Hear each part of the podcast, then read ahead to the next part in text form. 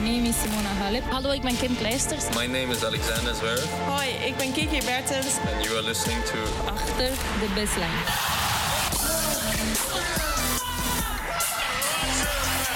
Your champion, Novak Djokovic. Dit is Achter de Baseline. Vanuit Flushing Meadows. Met Abe Kuil en David Avakian.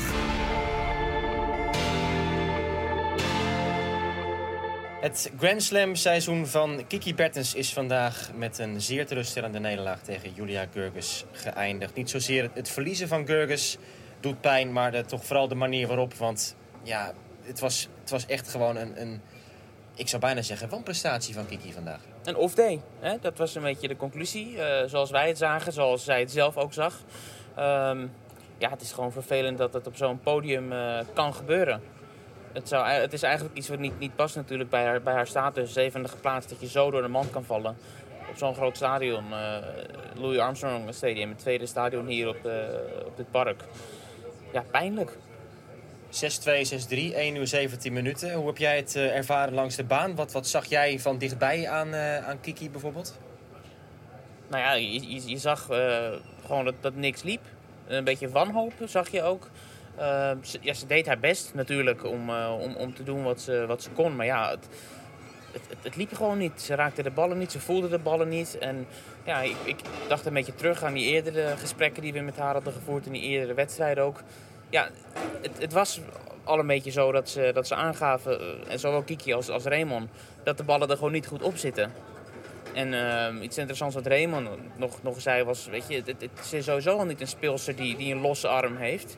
En als het dan ook niet lekker loopt, ja, dan, dan wordt het helemaal lelijk. En dat hebben we vandaag gezien. Ja, laten we om te beginnen um, even luisteren naar jouw interview gewoon, David. Want je hebt uiteraard met Kiki gesproken, zoals altijd, uh, na de wedstrijden. En dit is hoe Kiki tegen die nederlaag van vandaag aankeek. Kiki, vorig jaar een, uh, een vervelende nederlaag in de derde ronde op Louis Armstrong in drie sets. Dit jaar was het wat makkelijker voor de tegenstander Julia Gurgus. Ja, het is heel snel na de wedstrijd, maar wat ging er mis? Uh, ja, ik denk bijna alles. Ik denk vandaag was gewoon een hele slechte dag. Uh, op een gegeven moment echt lekker in de wedstrijd gezeten. En natuurlijk krijg je dan in het begin nog uh, genoeg kansen van 4-2 om eh, terug te breken naar 4-3. Alleen ja, dat lukte hem ook niet. Een off-day? Um, ja, zo kan je het denk ik wel noemen. Ja, ik denk dat echt niks goed ging. Ik raakte de banden niet lekker. Uh, stond niet lekker op mijn benen, was niet scherp. En uh, ja, als er dan eigenlijk niks overblijft, dan uh, wordt het heel erg lastig. Dus als we zoeken naar een verklaring, dan, dan, ja, dan is het eigenlijk een beetje van alles? Of zijn er specifieke punten die je aan kan wijzen? Um, nou, op dit moment kan ik echt nog helemaal niks aanwijzen. Dus uh, ja, dat is natuurlijk ook nog gewoon heel erg close eigenlijk, om het zo maar even te zeggen. Ik heb geen idee hoe dit uh, heeft kunnen gebeuren. En uh, natuurlijk gaan we daar even goed over praten en kijken ja, hoe we dit eventueel de volgende keer weer beter kunnen doen. Ja, het lijkt erop alsof het hardcourt seizoen dit jaar, het Amerikaanse hardcourt seizoen, zeker in vergelijking met vorig jaar, ja, wat, wat, wat stroef verliep. Um, heb, je, heb je daar een verklaring voor of is dat ook iets wat je in de komende tijd hoopt te ontdekken? Um, ja, ik denk dat over het algemeen dat ik natuurlijk inderdaad minder wedstrijden heb gewonnen. Dat sowieso. Maar ik heb ook wel iets minder lekker gespeeld. En ik denk vorig jaar ook dat die close wedstrijden net allemaal mijn kant op vielen. En de afgelopen weken dan net niet. En ja, vandaag was dan echt totaal geen close wedstrijd. Maar was gewoon niet goed. Maar ik denk dat mijn niveau gewoon iets, iets minder stabiel is de laatste weken. En ja, daar gaan we weer aan werken om dat weer omhoog te krijgen. Ja, we hebben het vaak over die Grand Slams. En uh, ja, die, die zijn het belangrijkste voor de media, voor de, voor de fans. Um, maar daarbuiten doe je het gewoon hartstikke goed en sta je in de top 10, niet voor niks. Um, is, is het voor volgend jaar, als we daarnaar kijken, iets, iets waar je een verandering in wil brengen? Ga je meer aandacht besteden, hoop je, aan, uh, aan de Grand Slams? Anders plannen misschien? Uh, ja, daar moeten we even naar gaan kijken natuurlijk hoe we, dit volgend jaar gaan doen. Uh, natuurlijk dit jaar qua Grand Slams was gewoon niet heel erg goed. Dan hoop je gewoon uh, betere resultaten te halen. En ja, gaan we toch kijken waar dat aan ligt. Ehm, zelf heb ik het idee dat ik me gewoon elke keer goed voel. Dus dat het niet echt iets met spanning te maken heeft of wat dan ook. maar ja, we gaan er wel naar kijken en dan kijken of we het volgend jaar beter kunnen doen. Er zijn nog heel veel punten te behalen dit jaar. de de Azië-swing komt eraan. Heel veel toernooien in China sta je ingeschreven. Nou, nog zin in? Uh, nou, op dit moment even niet. Maar uh, ik denk dat er morgen uh, dat ik daar zeker weer zin in heb. Het is gewoon toch weer mezelf proberen te verbeteren. Morgen gewoon weer opstaan, daaraan gaan werken. En er komen nog heel veel weken aan waar ik het heel veel beter kan doen weer. Dus ja, daar gaan we voor. En het doel is het eindejaarstoernooi in Shenzhen halen natuurlijk. Zeker weten. Dus ja, daar gaan we voor. Ja, het is eh, zoeken naar antwoorden. Bij Kiki zelf ook. Zij heeft ook geen verklaring echt eh, voor wat er eh, mis is gegaan natuurlijk vandaag. Dus spelers vaak zeggen, ja, als ik dat geweten waar het aan lag, dan had ik wel geprobeerd om iets, Ja. iets aan te doen voor zover mogelijk. Maar dat was ook een beetje de tendens, niet alleen in het interview, ook in de persconferentie hè, na afloop. Dat iedereen zocht natuurlijk van hoe kan zoiets gebeuren. Kiki, ook weer in de Grand Slam natuurlijk, dat het, dat het weer misging. Heeft dat nog een specifieke oorzaak dat het in deze grootste toernooien uitgerekend misgaat? En het bleef allemaal een beetje in het midden hangen. Zeker. Ja, wat, ja, je probeert zelf ook natuurlijk naar antwoorden te zoeken tijdens zo'n wedstrijd. En, en, sowieso als je de laatste tijd een beetje bekijkt. Ja, het, misschien is het gewoon zo dat, dat zeker op hardcourt moet alles bij Kiki gewoon helemaal goed vallen. Wil, het, eh, wil ze echt resultaten boeken. En als ze dan niet het gevoel heeft, dan is dat kleine beetje minder. Dat, dat is al een heel groot verschil in, in resultaten. Ehm, want ja, als we kijken naar vorig jaar, zoals ik in het interview ook aangaf, ja, toen won ze natuurlijk Cincinnati. Eh, Oké, ook toen verloor ze hier in de derde ronde. Maar ja, toch zagen we daar echt een, eh, een geweldige kiki bij vlagen tijdens dat seizoen. Ehm, een ander groot verschil met het vorige seizoen is natuurlijk de planning. De aanloop naar de US Open die ze heeft gehad. Dus misschien moeten we daar de oorzaak in zoeken. Ja, en ik wil het niet, niet eens zozeer wijten aan. eh, kijk, ja, of, of wijten aan. Kijk, de verklaring hebben wij ook niet. Maar wij gaan natuurlijk ook zoeken naar, naar, naar oorzaken. En het feit is natuurlijk zo dat Kiki heeft heel goed gespeeld in de WTA-toernooien. Dat weten we. Dus ze heeft heel veel partijen gespeeld. Ze begon ook aan deze US Open met. met ehm, één wedstrijd minder gewonnen dan de, de leider op de Tour. Eh, dat waren volgens mij Pliskova en Barty die evenveel partijen begonnen dit jaar. Bert dus één wedstrijd minder. Dus ze heeft heel veel gespeeld. En wat mij ook opviel vandaag als je naar haar keek. Jij zei, ja, ze was wel aan het vechten. Maar het oogde toch ook allemaal niet fris of zo. Het was toch een beetje een soort... je- miste een extra gear om, om over het dode punt heen te komen of zo. Het was, het was mat, het was flats. Ze kon niet zichzelf aansporen om echt die boel om te draaien. En dan heb ik toch ook een beetje het idee van... Ze heeft zoveel gespeeld dit jaar. En mist ze niet gewoon een beetje mentale frisheid ook? Ja, enerzijds ben ik het met je eens. Maar anderzijds, als je kijkt naar het aantal wedstrijden dat ze de laatste tijd heeft gespeeld, valt het best mee. Want ze had eh, natuurlijk, nou, Roland Garros was, was er vroeg klaar mee. Toen had ze die ziekte, lag ze een aantal dagen op bed. Dus ja, daar kan je een week dan wegstrepen dat ze helemaal niet heeft gespeeld. Maar ja, ook zoals ze zelf aangaf, een aantal kilo's kwijt was geraakt, wat kracht was verloren. Misschien dat dat nog meespeelt of helemaal tot, eh, tot nu, zou ook kunnen. Eh, Wimbledon was er natuurlijk vrij, vroeg klaar. Nou, daar kozen ze ervoor om terug het gravel op te gaan. Nou, dan speelden ze een klein toernooi in Palermo waar ze de finale haalden. Dat was een best intense week, veel wedstrijden gespeeld. Maar ja, goed, daarna, als we echt naar het hardcourt gaan kijken, zowel in Canada als in Cincinnati, heeft ze natuurlijk maar een, een handvol wedstrijden gespeeld. Dus eh, ja, ze was op zich. Nee, niet- maar je, zit- je zit wel in die flow, hè? Je bent, je, bent, je bent bezig. Kijk, en vorig jaar had ze Wimbledon. Ze gaat op vakantie en, en dan ga je echt weer fris aan een nieuw blok beginnen. En nu was het natuurlijk gewoon, je hebt die hele stretch gravel. Je hebt Wimbledon kort achteraan het grasseizoen. Eh Rosmalen is een hele beladen week nog tussendoor voor, eh, voor Kiki ook. eh, mentaal, Ja. vanwege de verwachtingen, et cetera. En alles wat er op haar afkomt. Dus het gaat non-stop door. Ehm, de week na Wimbledon is het dan weer richten op het gravel in, in Palermo in Italië. Dus, dus je hebt gravel, gras, gravel en dan dat hardcourt. En het is allemaal... Ik denk dat het gewoon een beetje een, een, een, een- ja, te veel achter elkaar toch is. En dan niet zozeer alleen de wedstrijden, maar toch wel dat je een beetje in die, die wedstrijdmodus moet blijven hangen. Ja, en ze heeft wat klappen gehad. Ehm, als we kijken naar Rosmalen, haalt ze de finale, heeft ze matchpoints gehad. Vijf geloof ik tegen Alison Risk. Vijf matchpoints, ja. Verliest ze heel zuur op eigen bodem. En daar was ze echt eh, ja, aangeslagen. Palermo haalt ze de finale, verliest ze van iemand. Ze is de topfavoriete, hoort ze niet van te verliezen. Tijgman in de finale, verliest ze. Weer een, een klap. Roland Garros hebben we aangegeven. Ziekte, tweede ronde eh, opgave. Dus ze heeft echt een paar, paar mentale dreunen ook gehad. Dus ik, ik, kan me voorstellen dat ondanks dat ze een goed seizoen over het algemeen draait op de Tour... dat ze echt wel een eh, paar, paar flinke dreunen te verwerken heeft gehad. En dat dat gewoon meespeelt. Ja, je zegt dus ook, je hebt met, met Raymond gesproken. Ehm, is, is die planning nog een beetje ter sprake gekomen daar eh, ook? eh, Of eh, in dat gesprek met, nee, met de, Raymond hebben we vandaag niet gesproken. We hebben Raymond gisteren. Oh, ik dacht dat je vandaag zo. Nee, nee, nee, vandaag niet. Dus ja, het, het is de komende weken hopen we ja, zowel Kiki als Raymond nog een keer aan het, aan het woord te horen. Om, om te kijken of zij met wat, met wat tijd op, op, ja, op, op antwoorden komen. Maar ja, het, het blijft vooralsnog gissen. Ja, ehm, Maar we moeten ook niet te dramatisch doen, hè. Het is, het is de derde ronde, oké. eh, Die wedstrijd was slecht. Maar het is niet dat ze in de eerste ronde hier eruit vliegt of zoiets. En het is, het is een evenaring van haar beste prestatie hier. Dus eh, ja, Ik heb dankzij jou ook eh, de, de persconferentie verder kunnen horen met, met alle Nederlandse journalisten. En wat mij ook opviel is dat ehm, het, het onderwerp te sprake kwam natuurlijk van hè, de Grand Slam toernooien. Dan, dan kijkt Nederland naar mij, dan moet ik presteren. Dat was een beetje wat Kiki ook zelf zei natuurlijk. En, en, en daar heb ik het... ja, dan, dan beoordelen mensen mij hoe ik het doe. En daar wordt mijn jaar een beetje op beoordeeld. Nou ja, dat is dus eh, weer, weer tegengevallen. Ik vond het wel mooi ook dat eh, volgens mij Rick van, eh, van het AD, die, die vroeg daarop door. En die zei van, ja, vind je het dan terecht hè? Dat, dat mensen je op die manier ook beoordelen. En dat, dat het dus om de Grand Slams draait. En toen zei ze, ja, nee, ik snap het ook helemaal. En dus dat, dat, Ja, ook zij gaat ze ook niet... Ja, dus, daar, daar ehm, eh, hoe zeg je dat? She doesn't shy away from it, zeg maar. Ze, Ja. ze accepteert dat het zo is. En ze beseft dat ook. Maar ja, dan gaan we toch... eh, je zegt we moeten het niet te dramatisch maken. Maar ik wil toch wel bepaalde cijfers even aankaarten. Kiki staat nu ehm, goed ruim een jaar een beetje rond die top 10.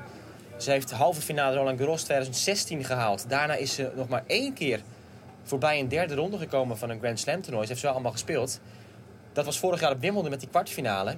Ja, en dit jaar is het tweede ronde, tweede ronde, derde ronde, derde ronde. En dat is natuurlijk toch een, een, eh, een, een lelijke kaart als je dat zo ziet. Ja, en het is natuurlijk een hele vreemde situatie voor haar. Omdat ze enerzijds natuurlijk de bevestiging krijgt van alles gaat goed. Ik sta in de top 10.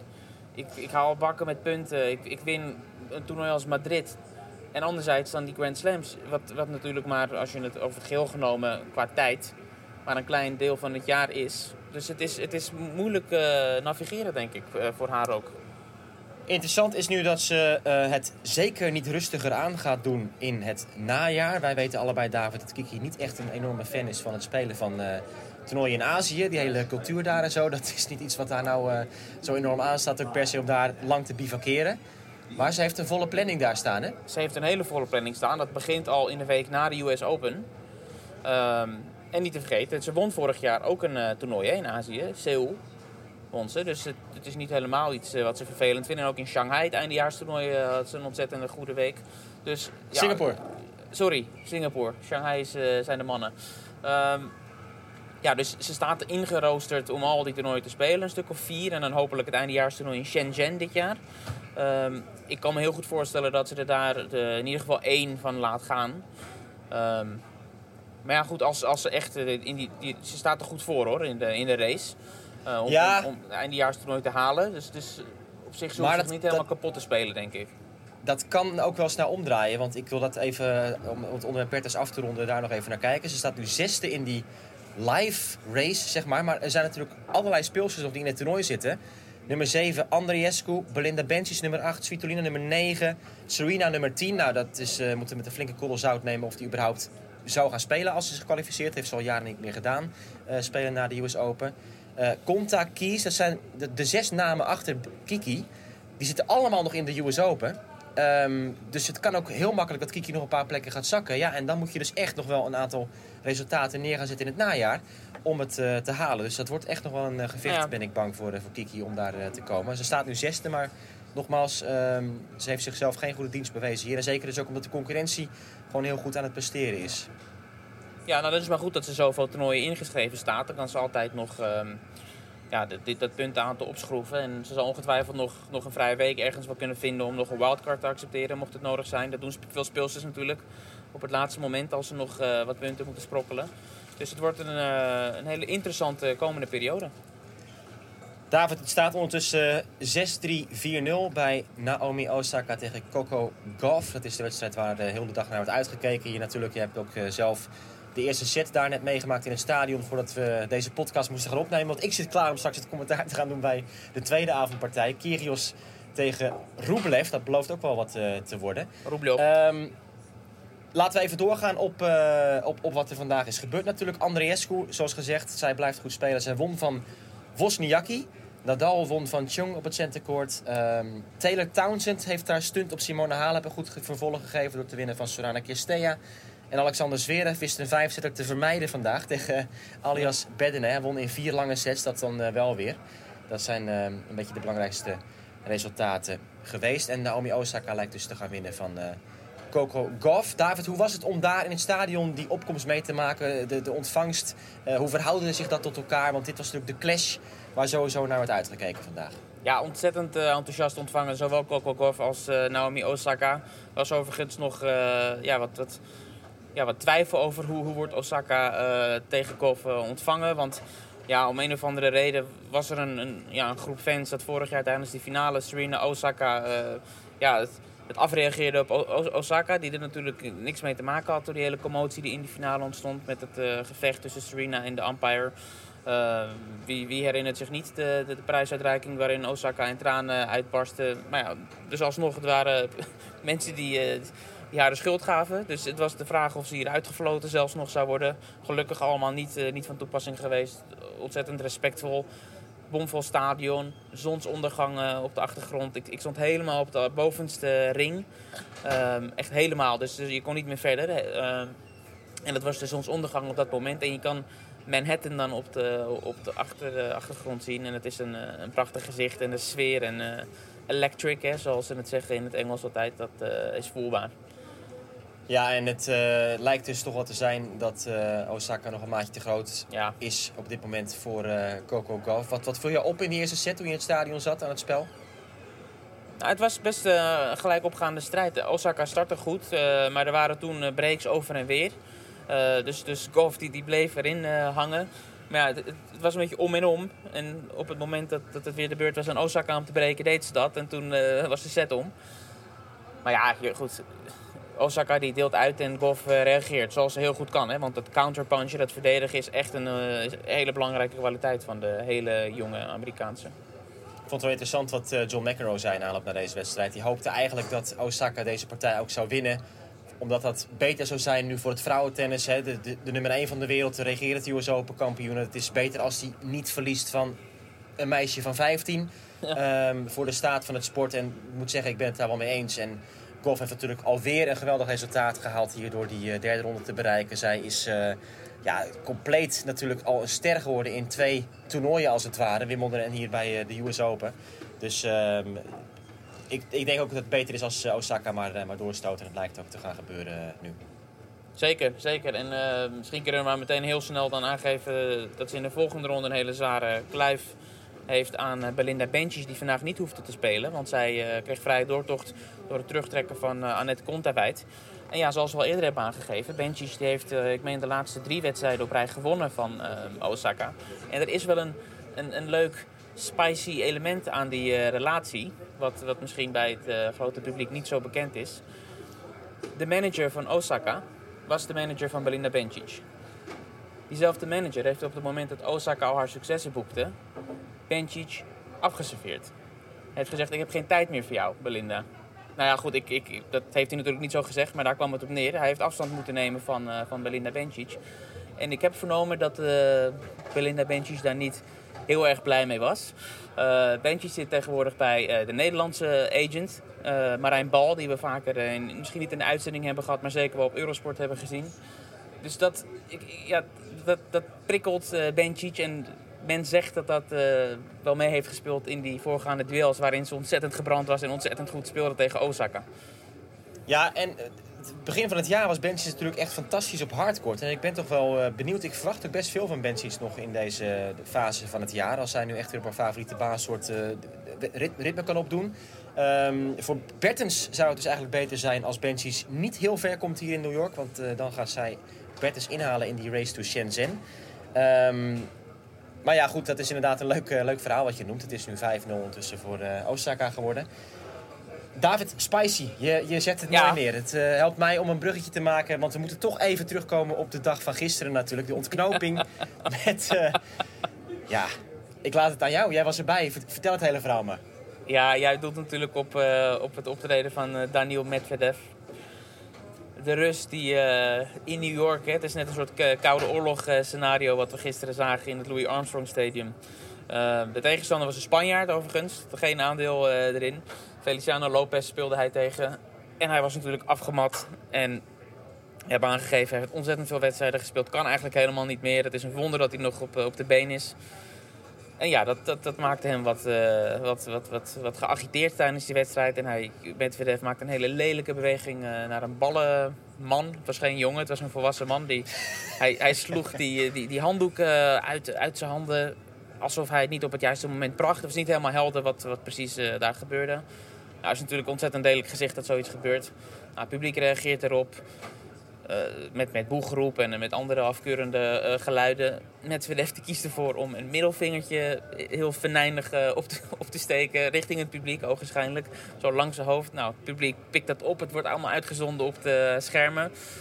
Ja, hij het dus echt naast, naast zijn gezicht, zodat de umpire Ja. het precies niet kon zien. Dat was het mooie eraan, of Ja. althans, hè, het, het opvallende. Ja, de umpire zijn nog... eh, ik heb het gezien op de, op de grote schermen, maar dat is niet de regel. Ik moet het echt met mijn eigen ogen gezien hebben. Ik mag je niet een waarschuwing geven of een code violation op basis van, eh, van beelden. Eh, maar weet dat, dat ik je in de gaten houd. Nou, vanaf dat moment is natuurlijk het publiek grandioos tegen Medvedev. En hij wint die wedstrijd Ja, ook, uiteindelijk. ook, om, ook omdat Lopez natuurlijk gewoon echt een fantastische partij aan het spelen was. En, en Ja. ook een beetje een, een uitstraling heeft van, eh, van iemand die, die het publiek vermaakt. En Ja, er zaten nog een paar mooie, mooie rallies bij van de Spanjaard. Ja. En die gebruikte dat ook allemaal een beetje om nog extra steun te, te vergaren. Dus het was een, echt een hele hete avond eh, daar in het stadion. Ja, maar het, het mooiste moment kwam na de wedstrijd. Medvedev die wint dus in vier sets uiteindelijk. En het publiek blijft natuurlijk eh, doorgaan met het boelgeroep. En zoals gewoonlijk hebben we een, een baaninterview. Nou, ik zat dus in het stadion en ik kon eigenlijk nog de vraag, nog het antwoord eh, horen. Omdat er dus zo luid gejoeld werd. Maar wij hebben een mooie ondertiteling in het stadion lopen. Dus we konden het zo wel eh, bij elkaar brengen wat daar gezegd werd. En Medvedev die zegt iets in het rand van... eh, publiek, jullie hebben mij hier doorheen gesleept. Zonder de energie die jullie mij hebben gegeven... had ik hier nooit doorheen kunnen komen. Ik had kramp gisteren. Ik kon niet meer. Ik wil jullie heel graag bedanken. En je moet je dus voorstellen met al dat boeggroep. Ongetwijfeld hebben veel eh, luisteraars eh, de beelden gezien inmiddels. En hij zegt, ik wil, weet, als jullie vannacht eh, naar bed gaan, als jullie gaan slapen... weet dat jullie mij hier doorheen hebben gesleept. Hartelijk dank. En dan staat hij met zijn armen wijd zo en het, het op te nemen. Het was één groot feest. Nou, het grappige is, dus jij, jij zegt deze teksten. En normaal gesproken, als een speler of speelster een wedstrijd heeft gewonnen... dan zegt hij ook deze teksten. En dan is het natuurlijk allemaal gewoon oprecht gemeend. En dan wordt hij verder toegejuicht.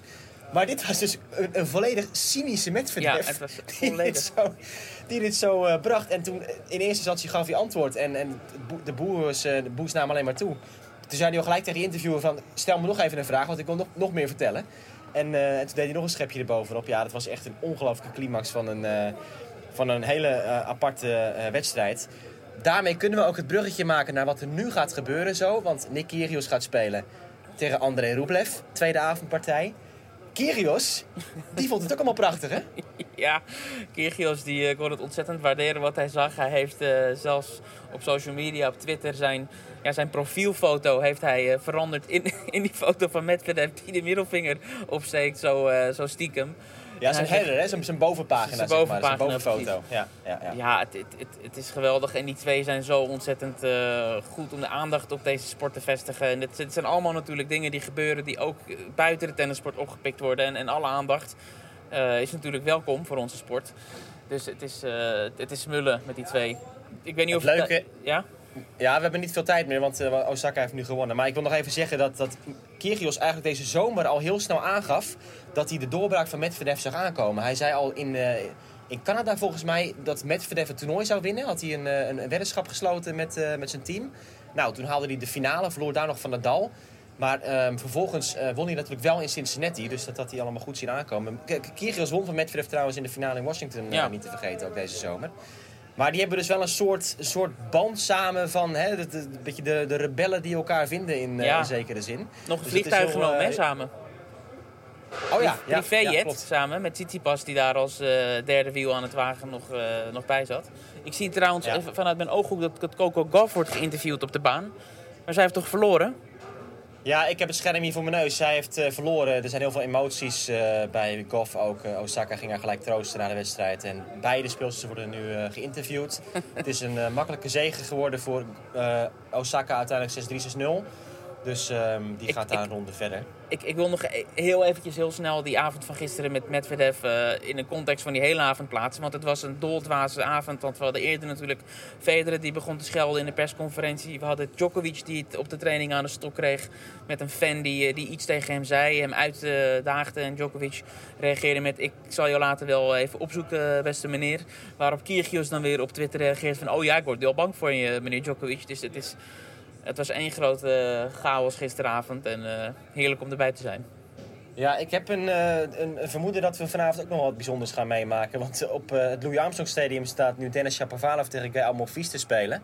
En Andrei Rublev en Nick Kyrgios gaan dus nu zo van start in het Ashe Stadium. Shapovalov set voor tegen Monfils. Ehm, ja, het is, het, is, het is allemaal weer hartstikke mooi, David. Ik weet niet, heb jij, nog iets wat je wil zeggen? Of... Ja, ik eh, verwacht natuurlijk heel veel van eh Kyrgios tegen eh, Rublev.